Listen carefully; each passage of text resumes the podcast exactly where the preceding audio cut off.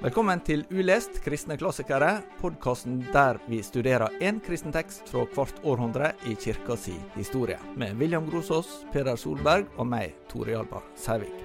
I dag fra det niende århundre, Kyrill og Metodius om Konstantins liv.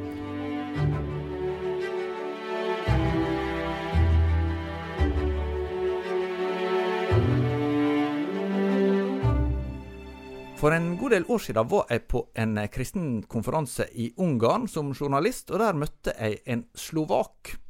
Og eh, jeg spurte han eh, hvordan kan det ha seg at eh, tsjekkerne er verdens mest sekulære folk, eh, og, slovakene ikke er det. Og da eh, sa han noe sånt som ja, det er vel fordi tsjekkerne er ærligere enn slovakene. og eh, i min barndom så var jo Tsjekkoslovakia et land, nå er det to land. Um, og jeg vil tro de færreste som lytter til dette, forbinder eh, verken Tsjekkia eller Slovakia først og fremst med kristen misjon. Men eh, det skal vi faktisk endre litt på i dag. Jeg tror eh, dette her er en episode som muligens virker ganske fjern for mange når en hører tittel og sånn, men tematisk er mange ting å tenke over og ta inn over seg. Og Peder, du begynner med et sitat. Rastislav, fyrsten av Moravia, gjennom Guds påminnelse rådførte seg med sine moraviske prinser og appellerte til keiseren Mikael av Konstantinopel og sa:" Selv om folket vårt har avvist hedendommen og følger den kristne loven, har vi ikke en lærer som kan forklare oss den sanne kristne troen på vårt språk, slik at andre land som ser til oss, kan etterligne oss. Derfor, Herre, send oss en slik biskop og lærer, for fra deg utgår god lov til alle land. Og etter å ha samlet sin rådgivende forsamling kalte keiseren på Konstantin filosofen og fikk ham til å lytte til denne saken, og han sa, Filosof, jeg vet at du er trett, men det er nødvendig at du drar dit, for det er ingen som kan ta seg av denne saken slik som deg. Og filosofen svarte, Selv om jeg er trett og syk i kroppen, skal jeg dra dit med glede, hvis de har en skrift på deres eget språk. Så sa keiseren til ham, Min bestefar og min far og mange andre har søkt etter, dette, men fant det ikke. Hvordan kan jeg da finne det? Og filosofen svarte, Hvem kan skrive et språk på vann? Og sammen med sin onkel Bardas svarte keiseren han igjen, ham igjen, Hvis du ønsker det, kan Gud gi deg dette, som han gir til alle som ber uten tvil, og åpner for dem som banker. Filosofen gikk, og i tråd med sin gamle vane viet seg til bønn sammen med sine andre ledsagere. Etter å ha hørt bønnen til sine tjenere viste Gud seg snart for han, og umiddelbart lagde Konstantin bokstaver og begynte å skrive evangeliet på språket, det vil si, i begynnelsen var Ordet, og Ordet var hos Gud, og Ordet var Gud, osv. Hvem er det vi leser om her, William? Vi leser om de to mest berømte, kanskje, av alle misjonærer i, i uh, hele, i hvert fall den østlige kristenhetens historie. Det er Kyrill og Metodius. Slavernes apostel. Og vi leser i denne teksten som eh, Peder leste, så kalles han for Konstantin, for Kyrill var et navn han tok senere i livet.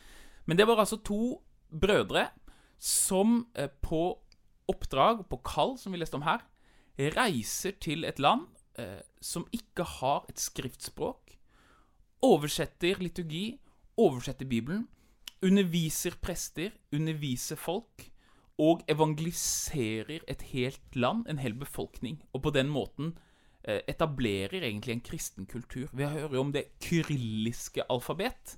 Og det er ikke nøyaktig det samme som det Kyrill lagde, men det bygger på Kyrills arbeid. Og eh, vi, i dag så kanskje vi forbinder liksom østlige liksom, Vi forbinder det med, eh, som du antyder, liksom, med kommunisme og ateisme og sånne ting. Men i 1000 år, og mer enn det, så var altså denne østlige tradisjonen en rik kristen kultur. Russland, Bulgaria, eh, Tsjekkia, etter hvert også Polen. Og eh, liksom mellom øst og vest.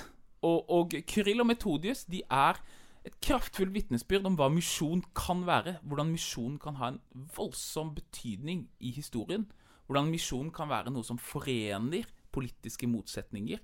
Noe som bekrefter lokal kultur, men også knytter lokal kultur til den, til den verdensvide kirke. Så de er eh, fascinerende mennesker og fascinerende misjonshelter som vi har mye å lære av.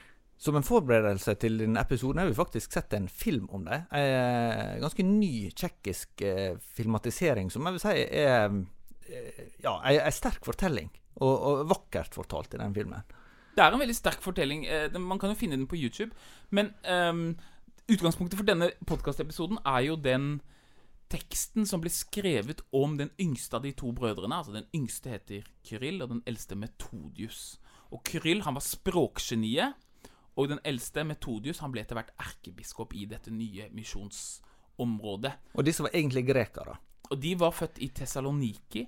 Og, og denne filmen handler jo om, om, deres liv. Men den teksten vi har valgt da, fra det åttende århundre For det er, ikke, det er aldri lett, men det er ikke så lett heller å finne tekster fra det åttende århundre. Ja, niende århundre. Ja, Ja. Ja, hjernen min går helt feil. Det skjer hver gang. Men det er jo en periode som Noen ganger kaller man det for liksom, den mørke middelalder, men det er en periode hvor uh, det er veldig mye uh, bevegelse. Politisk støy og politisk bevegelse. Men, men uh, Kyrill han levde på, i det 9. århundre, på 800-tallet, fra 826 til 869. Og hans storebror levde lenger. Han ble født før og levde 15 år lenger. Og Kyrill han ble anerkjent som en helgen nesten umiddelbart etter at han døde. og Derfor så ble også helgenfortellingen om ham skrevet veldig kort tid etter at han døde. Og det er utgangspunktet. Det er den teksten vi i dag leser, som vi anbefaler folk å lese. Det er eh, Konstantins liv, for han het altså Konstantin før han tok navnet Kyrill. Eh, hva er det som særpreger Hassi livshistorie, Peder? Altså, er, er, dette her et typisk livshistorie, eller er det et slags unntak? Altså, Dette er jo en helgenfortelling, og det er jo i moderne tid så har det jo vært ulike måter å lese den fortellingen på. Hvor mye er historisk, og mye kan vi stole på? Det kan vi komme litt tilbake til. Men i hvert fall så er det jo sånn som det fremstilles i denne fortellingen, så er det jo et typisk helgenvita, på en måte. En veldig oppvakt gutt fra han var liten, og så står det liksom, sant, flere sånne fortellinger om hvordan han allerede fra da han var liten, var liksom, hadde en hunger etter, etter, eh, kunnskap og visdom. Det er en sånn morsom fortelling fra han var sju år, eller sånn, tror jeg, hvor han får en sånn visjon av liksom uh, masse jenter som liksom Hvem skal du gifte deg med når du blir stor? Han er på The Bachelor. Ja, ikke sant? Og så Jo, så er det en vakker jente liksom som har alt det som Og, hun heter Sofia. Og det er selvfølgelig visdommen. Altså, ikke sant? Så det er det er uh, visdommen han vil søke og, og uh, vie sitt liv til som voksen. Uh, så det som særpreger han altså Han, han vokser jo opp i en familie som er typisk bysantinsk Hva skal vi si? Overklasse. Overklasse. Hans far var jo en av de viktigste politiske lederne i en stor by i Tessalonike, altså nord i Hellas. Og Samtidig så er det også der, som William var inne på, Tessaloniki er en by som er prega av disse politiske øh, omkalfatringene, kan vi si. Og det bor også en god del slavere, i hvert fall øh, tett omkring, og også i byen. Eh, etter hvert så Altså, faren dør, og han havner etter hvert i Konstantinopel, eh, hvor han får eh, utdanning liksom på toppnivå. Eh, og der beskrives også veldig sånn detaljert alt han læres opp i. Det er eh, geometri, fysikk, matematikk, alle de store vitenskapene, alle helenske kunster, som det står. Eh, men også da i all kristen lærdom. Så Han har en storebror som heter Metodius, som gjør en liten sånn militær eh, Militær eh, karriere først. Ikke sant? faren deres er en av de øverste militære i byen. Og ikke sant? Hellas, du kan se for deg Roma, så kan du se for deg Konstantinopel, og så er det de, liksom, de slaviske områdene som er nord for det. Og noen har spekulert i om kanskje deres mor hadde, var av slavisk opphav.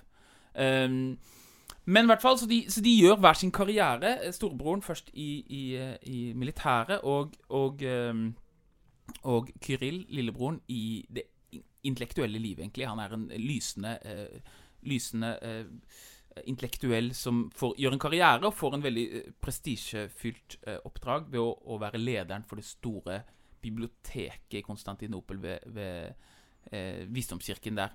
Og, eh, men de er begge veldig sånn De, de holder igjen. For eksempel Metodius. Han har vært så orker han ikke lenger å være i Forsvaret, så han, han, eh, han rømmer til et kloster i, i, eh, i Tyrkia, dagens Tyrkia, og, og sammen med Kyril. han Plutselig så stikker han av seks måneder og bare vil være i et kloster og be.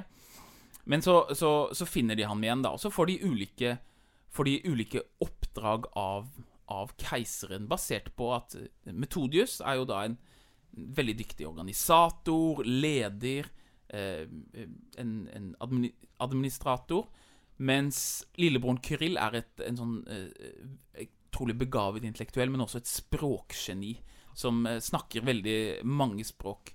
Eh, og så får de ulike oppdrag. Og før de får dette oppdraget som vi leste om av kongen av Moravia, Rastislav, som ber om misjonærer, så får de noen eh, andre oppgaver først, da. Ja, og Moravia, for de som eh, ikke kanskje dere kjensel på det navnet, så har en muligens hørt om Meren, som er det tyske navnet på samme område.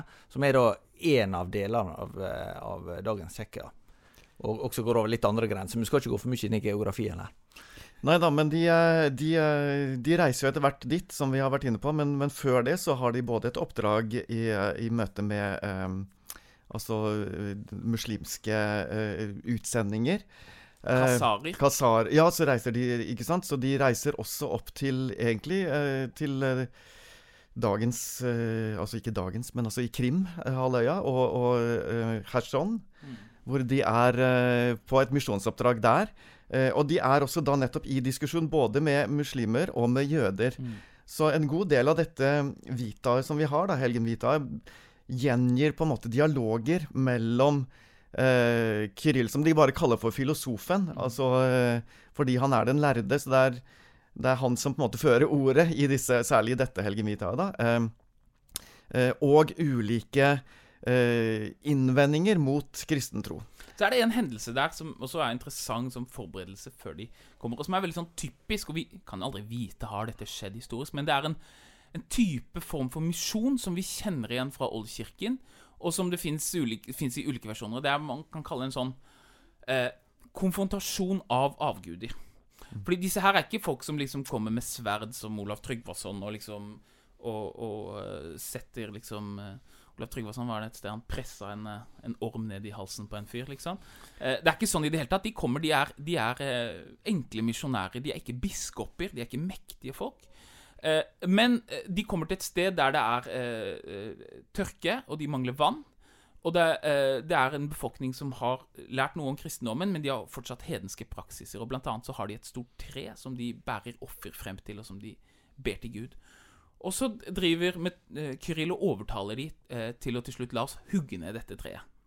Og det er en sånn Nei, det her tør vi ikke, og da faller, i, i, da faller, himmelen i hodet på oss. Og det, det, her å hugge ned hellige trær, det er noe som mange misjonærer holder på med. Altså, og så er det ulike liksom, grader av det. Du kan gjøre det på Olav den helliges måte, hvor liksom at de har større herre enn deg, så den avguden der må gå. Men, men Martin Artours, for eksempel, en veldig viktig misjonær i Frankrike på 400-tallet, han var sånn han oppsøkte helligdommer konfronterte de, eh, og så viste at selv om jeg eh, konfronterer denne eh, avguden deres, så faller ikke himmelen i hodet på meg. Min gud er sterkere enn dette. Og det gjør han da. Så han, han, eh, til slutt så hugger de ned, og da begynner det å regne. Og det er et sånn typisk eksempel på, på en ganske sånn eh, konfronterende misjonsvirksomhet som, som, vi finner mange eksempler av i, i tidlig misjonshistorie. Og Samtidig så er det også da beskrivelsen av disse dialogene hvor de går i hvert fall noen steder ganske sånn dypt inn i litt sånn intellektuelle innvendinger mot kristendommen, som sagt. Og det, og, og, og det beskrives så, så, veldig tydelig at de han diskuterer med, er lærde folk. Uh, så dette er ikke liksom noen sånne banale uh, diskusjoner. Det er ganske på høyt nivå diskusjoner rundt den kristne teologi, teologien i møte med uh, hva skal jeg si, andre misjonsframstøt også da, i disse områdene. For det er jo, som William er inne på, både gamle hedenske praksiser, men også misjonsframstøt både fra muslimsk hold og, og, og jødisk hold. Og det er jo også da en imperiekamp som mm. foregår her samtidig, uh, som er ganske komplisert. da. Ja, Hvis vi skal prøve å få litt uh, overblikk over hvem som strir mot hverandre politisk her? Altså De store imperiene for å si det sånn, er jo fra, fra gammelt av altså bysantinerne, som er fortsettelsen av det romerske riket. Og så er det jo Nå har jo eh, eh, Hva skal jeg si det muslims, De muslimske områdene er overtatt av abbasidene, som er det store imperiet nå i, i lenger øst. Og så oppstår det jo på denne tiden et nytt imperium. Uh, I hvert fall kalles det det. Uh, nemlig det karolingiske riket, med Karl den store, som har vokst seg stor på, på slutten av 700- begynnelsen av 800-tallet og blitt krona til keiser. Og dette er jo et, på en måte et stort imperium, men allerede på denne tiden så har jo det blitt delt i tre. Eh, men det er fortsatt eh, frankerne, da, kan du si, som, som, kommer fra vest, og som har også imperieambisjoner. Ja, så, så frankerne, det, det, omfatter jo egentlig i stor grad dagens tyskere? Eller ja, både Frank Frankrike og Tyskland og ikke sant? Også, så, ja. så, bare for å få litt misjonsvirksomheten, som vi etter hvert skal lære mer om, til Kyrill og Metodus litt i relieff, så fins det mye misjonsvirksomhet i Europa på denne tiden, men det er jo ganske mye sverdmisjon.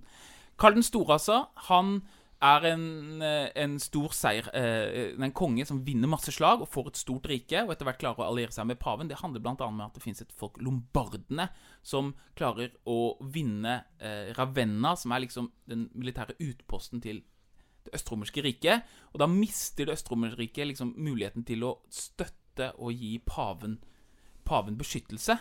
Og så kommer Karl den store, eller er det kanskje faren hans, og, ja, Pippin den vesle. Pippin, ja, mm -hmm. som tar lombardene, og da kan han gi paven trygghet. Og da får paven for første gang landområder og her, og blir første gang det vi kaller for pavestaten på den tiden. Så det er liksom Vest-Europa er i forandring. Det er noe annet som foregår her. Og og Karl den store han har jo eh, veldig fokus på imperiebygging og har en lang krig i flere, områder, eh, flere områder og flere omganger med sakserne, som er jo det som i dag kaller Øst-Tyskland. Voldsom krig. Og når krigen er sånn halvveis vunnet, så, så, er det masse dåp som står på, eh, som står på eh, planen.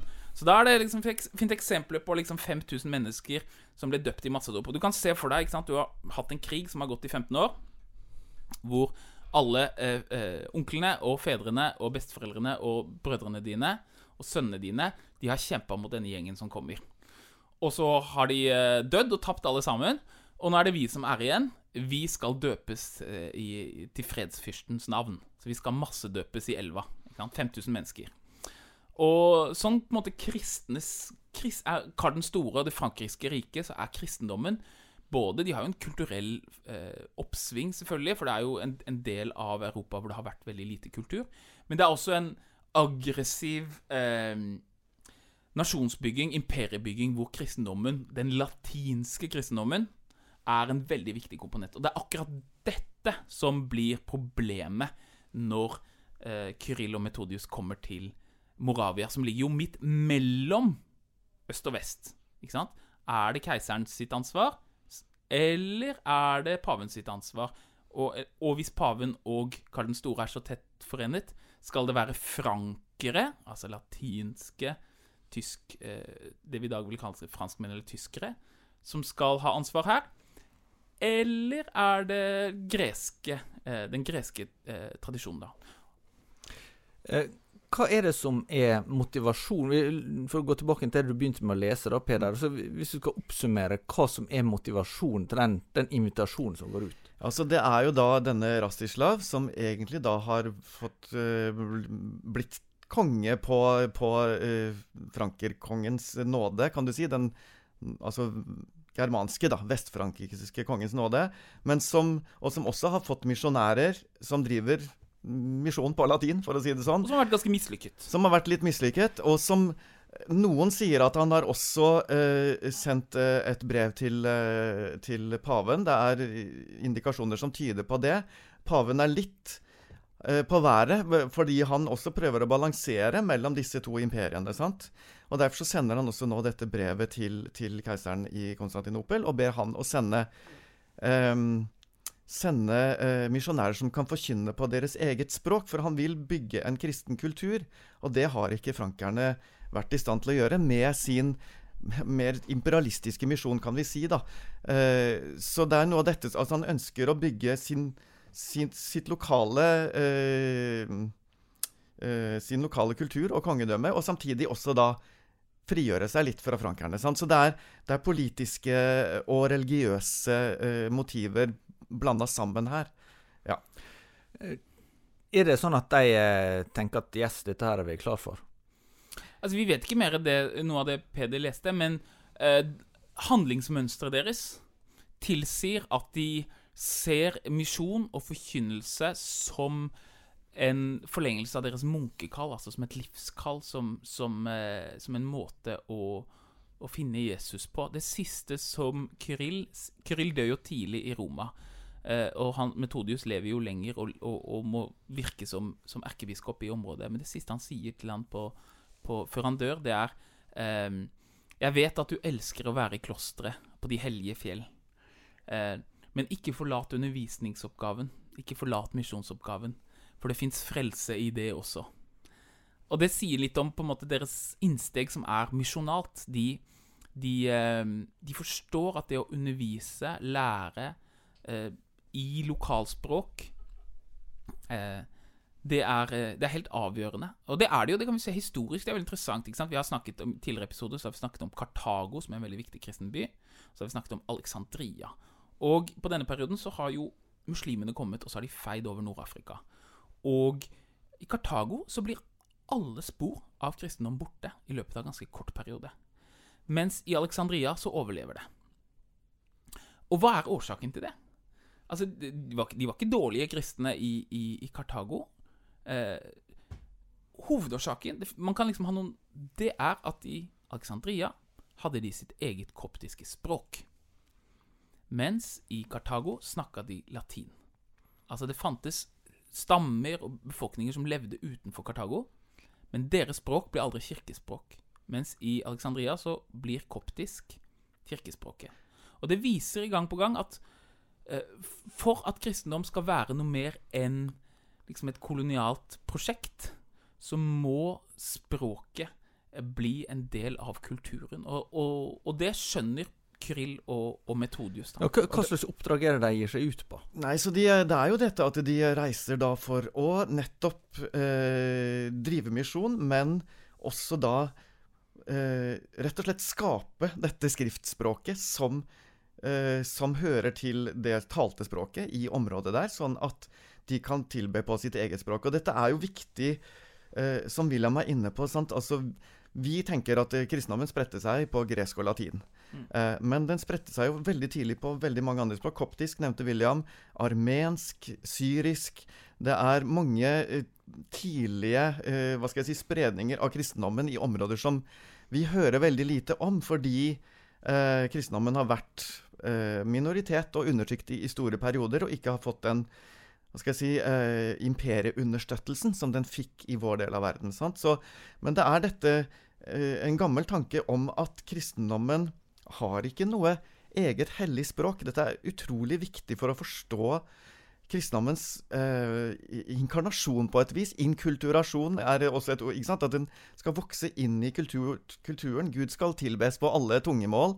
Eh, og det finnes ikke i kristen tradisjon et eh, hellig språk sånn som man har i islam. Altså at Koranen må være skrevet på arabisk. sant? Nei. Kristendommen, allerede fra Det nye testamentet, så er den formulert på det vulgære greske språket. koinegresk. Mm. Altså, vulgærgresk betyr det egentlig folkegresken. Den som er på en måte ikke den klassiske høygresken heller, sant? men, men folkegresk. Og, og, og, så sprer den seg i nye språkområder. Og så er det kulturelle årsaker til at noen språk får stor betydning, og det gjør jo nettopp latin i vest. Om også. Vulgata, den første latinske oversettelsen av Bibelen, er jo også Vulgata betyr vulgært. altså ikke sant? Det er folkespråket, latin. Mm. Men så blir dette også imperiespråk og et veldig viktig fellesspråk i folkevandringstiden i Europa, som gjør at liksom latinen nærmest blir opphøyd til et hellig språk. Mm. Og det er det som har skjedd hos frankerne. Mm. At, eh, at, eh, det er både imperiets språk, og det er et hellig språk. Og noen av disse frankiske teologene de sier nei, kristendommen skal bare spres på Eh, eh, gresk, latin og hebraisk, de tre språkene ja. som var på korset til Jesus. Ja, for det var det jeg la merke til i den filmen, at, at det ja. ble brukt som et argument. At det, Du har denne innskrifta som Pilatus fikk hengt over Jesus på korset. Eh, det, altså Jesus fra Nasaret, jødenes konge. Ja. Og det sto på hebraisk, gresk og latin. Og, og, det blir nærmest en sånn begrunnelse for at det er de språka en kan kommunisere med Gud Ikke Ikke sant? Altså, ikke sant? Der islam deler verden i to så de har utrolig lite kunnskap om hvordan kristendommen egentlig ser ut på et verdensperspektiv. Men mm. på denne tiden, i århundret, så bor det flere kristne øst for Konstantinopel enn vest for Konstantinopel.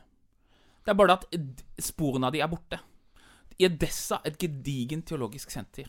I Bagdad, viktige teologiske, fullt av biskoper. Kina, en misjon med klostre og biskoper. India, eh, Numibia sør for Egypt.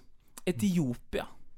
Alle disse stedene er svære kristne kulturer som, hvor de har store teologiske skoler, og som i løpet av Og på denne tiden er mye mer på en måte kraftfulle enn hvordan det er i Aachen, i Karl den stores hoff. Men fordi Karl den store er vår vestlige kulturs på en måte eh, grunnlag, så er, så er det nesten glemt.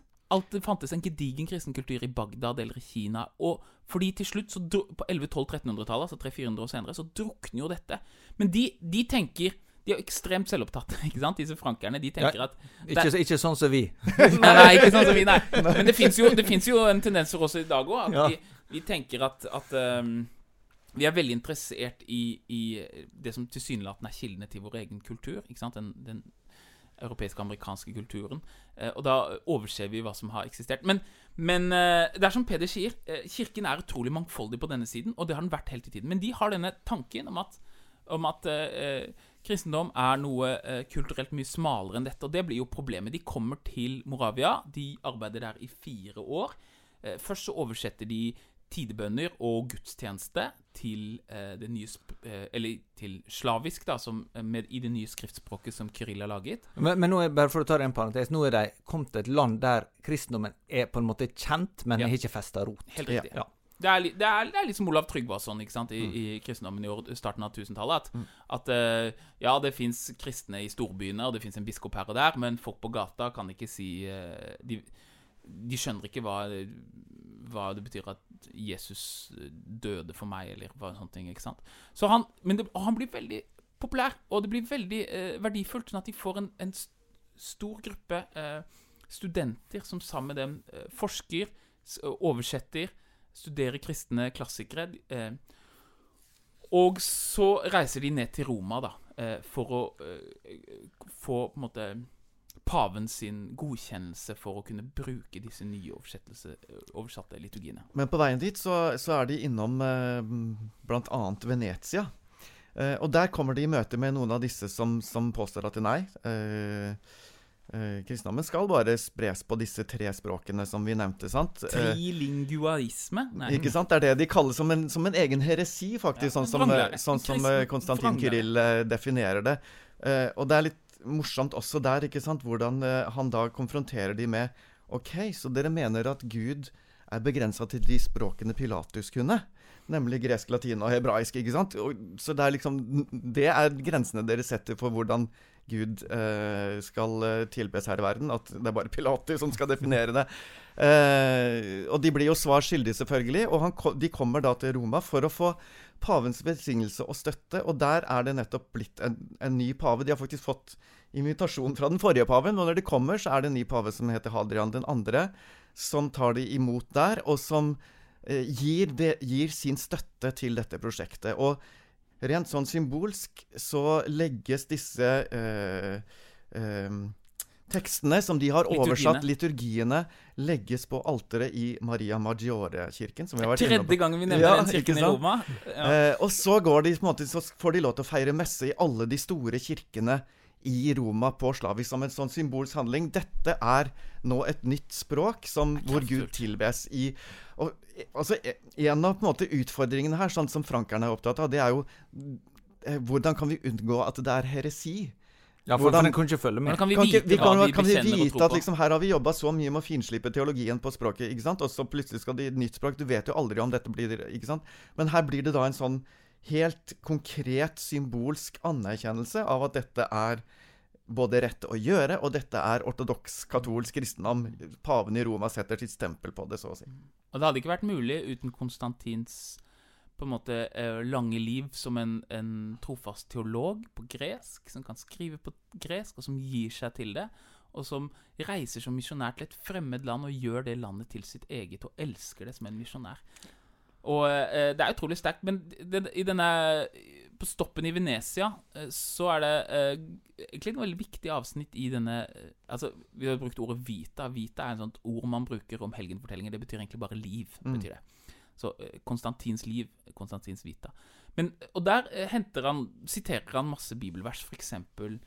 Første Korinterbrev eh, 14. Nei, ja, 14, hvor, han snakker, hvor Paulus snakker om eh, å få tungetale og tyde tungetalen. Paulus har jo denne lange argumentet han sier hva hjelper det at dere snakker tungetale i, i kirken hvis ingen tyder det? Er, vi er kanskje ikke vant til å lese den teksten i, i, i, lys på den måten, men, eh, men det gjør Konstantin, da. eh, At jeg vil heller snakke ett ord så folk kan forstå, enn tusen ord i tunger. Og, eh, og vi kan liksom sitte Vi bor i Norge, og vi tar for gitt at, eh, at selvfølgelig skal språk oversettes, men men eh, reformasjonen visste at det ikke var det. Eh, eh? Hva er det han eh, Det finnes jo også i England folk som, som måtte dø for dette. Uh, Wycliffe. Eh, men, men Metodis og Kirill var, eh, de var der allerede da på 800-tallet. Og de er eh, litt sånn unsung heroes, kanskje, eh, for, eh, for mange som ikke kjenner den historien så godt. Hva slags motstand møtte de for øvrig? Altså, Hvis paven godkjenner det, så skal en kanskje tenke at uh, her er problemet løst. Jo, og samtidig så er det dette med disse, disse imperieinteressene som, som blander seg inn her. sant? Uh, og frankernes teologer. Altså, Uh, igjen så er det litt sånn Altså, paven, ja, han har kirkelig styringsmakt, kan du si, men han er også i en sånn han veit at eh, Karl den store og hans etterfølgere de har mm, stor makt. og? Vi kommer jo stadig til nye sånne investiturstrider som vi snakker om i middelalderen. Altså det at hvem skal egentlig kunne utnevne biskoper? Hvem har egentlig kirkelig makt over disse områdene? Og det, fra gammelt av så er det litt sånn komplisert med dette Balkanområdet videre opp mot Tsjekkia, Slovakia, Polen osv. Eh, nemlig at paven hadde fra gammelt av kirkelig styringsmyndighet, mens keiseren i, i eh, Konstantinopel hadde sivil eh, styringsmyndighet. Så, og Samtidig er det nye folkeslag som har kommet der, som ikke paven har hatt ressurser til å sende misjonærer til. Og så kommer frankerne. Ja, ok, bra, men så Så det er dette spillet som, som, som foregår, sant, og hvor, hvor eh, frankerne har mye mer å si kirkelig enn det paven egentlig kanskje er glad for. Ja, og så dør Kirill når de er i Roma. Ja. Uh, og eh, og Ja, han for blir- han har vært sjukelig en periode Ja. før. Så hans, Ja. hans kropp blir lagt i det som kalles for Klemenskirken. Det er altså en veldig gammel, interessant kirke man kan besøke i Roma. Eh, og Metodius, storebroren hans, han reiser da tilbake til eh, Moravia, til Merin, eh, og er da blitt utnevnt til biskop. Og paven sender ham som erkebiskop og sier at ja, nå har dere begynt denne misjonsvirksomheten. Og vi sender dere, og vi sender deg til å, å gjøre dit. Så kommer han dit, og hva er det første som skjer når han kommer til Moravia? Altså, jeg prøvde å sette meg inn i altså, dette politiske spillet, og det er keisere og konger. og Jeg tror ikke vi i rammen av denne podkasten kan liksom gå inn på liksom Og så var det en konge der, og så var det en konge der. Men han blir i hvert fall satt i, i fengsel eh, med en gang. Og, og blir satt i, i fengsel i Moravia. Og, og eh, det kan ikke ha vært så altfor lett for han da. Han var der i to år, og helt til paven fikk vite om det. Og nå er det også da en ny pave, pave Johannes, som, som får eh, ordna at han blir satt fri igjen. Men fortsatt så er både De møter både motstand De får ikke lov til å feire eh, liturgien på slavisk. Eh, så både han og hans disipler møter mye motstand, og han dør egentlig også sjøl da etter å ha kjempa denne kampen i motvind de siste 15 årene. og og alle hans disipler også, faktisk, og nå snakker vi om Metodius, altså storebroren. Eh, alle hans disipler og Kirills disipler de blir spredt. Så på en måte så er det sånn, litt sånn De har via sitt liv til dette her, sin, alle sine talenter, og de har fått med seg eh, masse disipler som, som holder på med dette, og så blir de spredt. Og det er faktisk det som gjør at dette blir ikke bare en moravisk misjon, men disse disiplene spres ut til andre slaviske områder og fortsetter sitt arbeid der. Så paradoksalt nok da, så er på en måte nettopp undertrykkelsen av misjonen i Moravia bidrar til at eh, denne slaviske misjonen sprer seg til ukrainske områder, til polske områder, til andre slaviske folkegrupper, som gjør at de ser sin kristningshistorie tilbake til dette. Sånn at den russisk-ortodokse kirke i dag og den rumensk-ortodokse osv. Alle disse anser Kyrill og Metodius som, som på en måte deres eh, Noen av deres viktigste åndelige fedre. Det er jo ikke sånn at Metodus ikke får gjort noe arbeid i disse 15 årene. Han er jo en eh, eh, biskop der som døper, som lærer. De fortsetter å oversette. Til slutt får de oversatt hele Bibelen til slavisk. Et kjempearbeid. De oversetter eh, viktige eh, lovverk som, eh, eh, som, har vært gjeldende i, i gresk lov. Um, de lever tett på, på, kongene der og prøver å, å, å, kristne landet så godt de kan. da. og så, så, så, Metodius Det tok litt lengre tid før Metodius fikk den si, statusen som, som Kyrill, men, men, men pave Johannes Paulus 2., altså den paven som var eh, på 80- og 90-tallet, han ville utnevne, og han valgte å utnevne både Kyrill og Metodius til skytshelgener for Europa, sammen med Benedikt. Eh, og Han legger også veldig vekt på Metodius sin pastorale skjønn og hans på en måte omsorg for å hele tiden forsøke å skape fred mellom konger og keisere i evangeliets navn. Og eh, politikk de kommer og går. Keisere kommer og går. Men fins det Guds tjenere som er villige til å forberede seg, ta kallet når det eh, kommer til meg, reise fra mitt fedreland, leve der, elske den kulturen som ikke var min egen, som om den var min egen, leve der og eh, legge igjen et vitnesbyrd og være en fredens stifter og en evangeliets tjener. Finnes det? Ja, da har vi, eh, da har vi det vi trenger. Og Metodius Eh, var en sånn eh, kirkelig leder. Og, og han var jo eh, flott at han hadde en lillebror da som var et sånt språkgeni, for det, det hjelper alltid. Men eh, Smart lillebror. Alltid greit å ha en smart lillebror. Det er flere småbrødre her. Jeg, jeg er minst, Nei, jeg altså. jeg tenker, Der er jo en, en fin parallell i apostelgjerningene, egentlig. Det var en, en som gjorde meg oppmerksom på at uh, i apostelgjerningene 1.8 så leser du dette her om kallet som egentlig blir gitt om om å spre evangeliet. Sant? Og så ser du i apostelgjerningene 8.1. Der står det om at de kristne ble spredt pga. at yes, det var forfølgelse. Det er veldig lik parallell. Eh, og, og, der ser du noe med at det, det, det gir et slags resultat som ikke Det var jo ikke et, en situasjon de ønska seg, men den hadde likevel et resultat de ønska seg. Mm. Og Problemet med å lese kirkehistorie det er at vi så lett blander kirkehistorie og eh, historier om riker og empires. Ja. Ikke sant? Så hvis du leser kirkehistorie, særlig i Vesten, så eh, Man kan få et fnatt av det. Ikke sant? For du leser f.eks. om om Karl den store og rikebyggingen han, og det er liksom kristendommen, bla, bla, bla. Ja da. Og så, og så kan de si sånn der Jeg hørte, liksom leste en tekst der. En professor etter et prestisjetungt universitet som begynner å si sånn Ja, og um, I hoffet, i den renessansen, i karolinske renessansen, så begynte de å, å, å, lese Aristoteles, og det hadde ikke vært gjort på 300 år. Så er det sånn derre Helt riktig, i Nord-Frankrike, ja. ja. Ikke sant? Nord-Frankrike, på samme måte som at de studerte kanskje ikke Det var ikke så mange som skrev doktorgrad om Shakespeare i Oklahoma i 1855, ikke sant? For det er sabla bushen, ikke sant? Men kristendommen fins, som jeg sa i stad, i hele verden. Ja. Den har klostre i Etiopia, den har svære teologiske sentre i India. Den her Oppover i Usbekistan fins det svære kristne eh, eh, sentre. Langt over hele jorden. Ja, ikke hele jorden, men Nei. i hele verden. Men, men, når vi lærer å lese kirkehistorie ut fra på en måte eh, Riker kommer og går, så blir det liksom sånn der Og så kommer Karl den store med et sitt kristenrike. Og så er det sånn derre Ja, men, men kristendom Guds rike, eller kirkens historie, er noe mye større og mye mer enn rikenets fall. Da. Og I tillegg til det åndelige perspektivet du har der, William, så er det også noe med at hele vår historieskrivning er jo utrolig hadde nær sagt germanosentrisk. Veldig. Uh, og opplysningstiden har vært det. sant? Og vi har liksom lest historien. For igjen det her Uh, med at man oppdaga Aristoteles. Altså, uh, noen vil kanskje huske på episoden om Johannes Johannes Damaskus at jeg kalte ham for den første skolastiske teolog.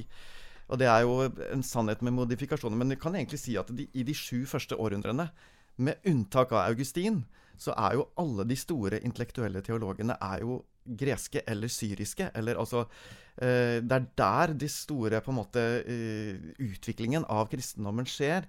Eh, og det er jo derfra, fra gresk og syrisk og etter hvert arabisk kristendom, at man ved det karolingiske hoffet begynner å få Man får tilsendt tekster fra keiseren i Konstantinopel. De skal prøve å bli litt venner òg, ikke sant. Og så, så uh, kommer det en som heter uh, Johannes Gottus Eriugena, som er en av de samtidige med Kyrill Metodius, som, som overtetter tekster fra gresk til latin, som er sendt fra keiseren i Konstantinopel til frankerkongen. ikke sant? Og så, så, begynner man Oi, her det jo, finnes det jo filosofer, Aristoteles osv., som de kristne i øst har brukt og anvendt uh, i sin teologiske danning i mange hundre år.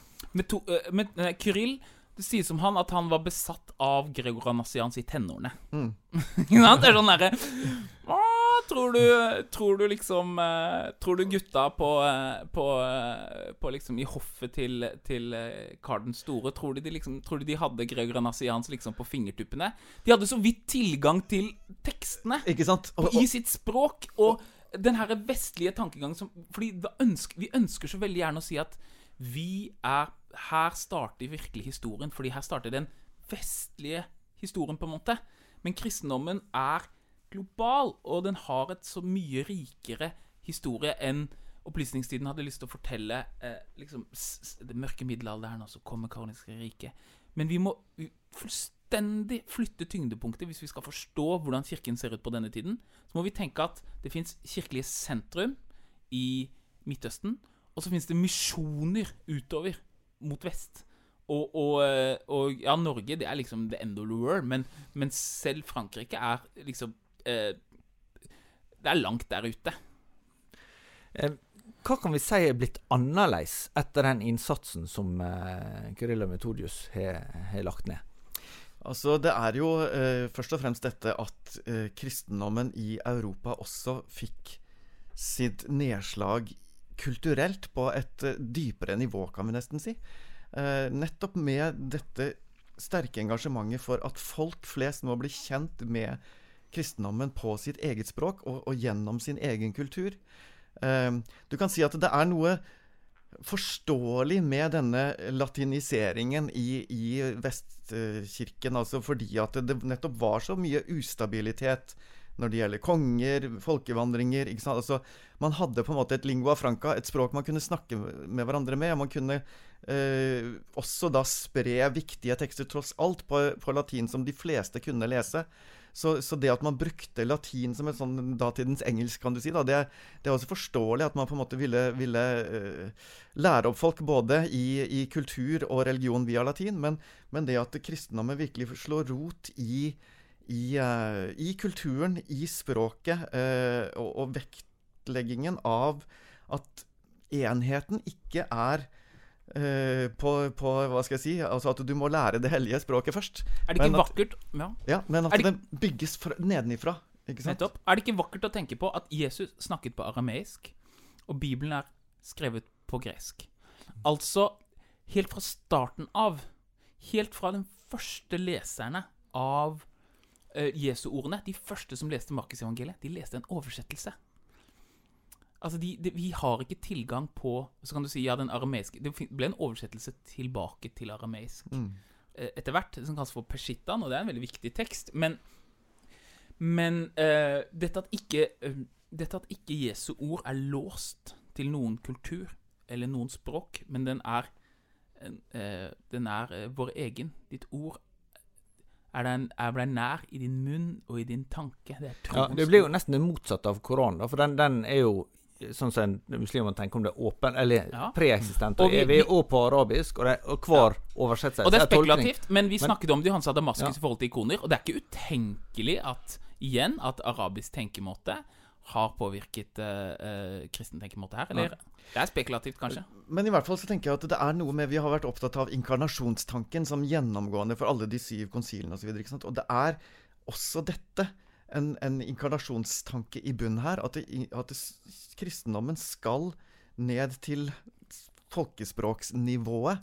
Den skal inkarneres i kulturen. Eh, og da holder det ikke at den forkynnes på et fremmedspråk. Vi skal fortsette i neste episode, for dette her er jo egentlig veldig spennende også med tanke på misjon litt mer generelt, og i den tida som vi har både bak oss og framfor oss. Så vi skal eh, ta opp flere store tema. Så kom tilbake neste uke. Da fortsetter vi. Takk for i dag.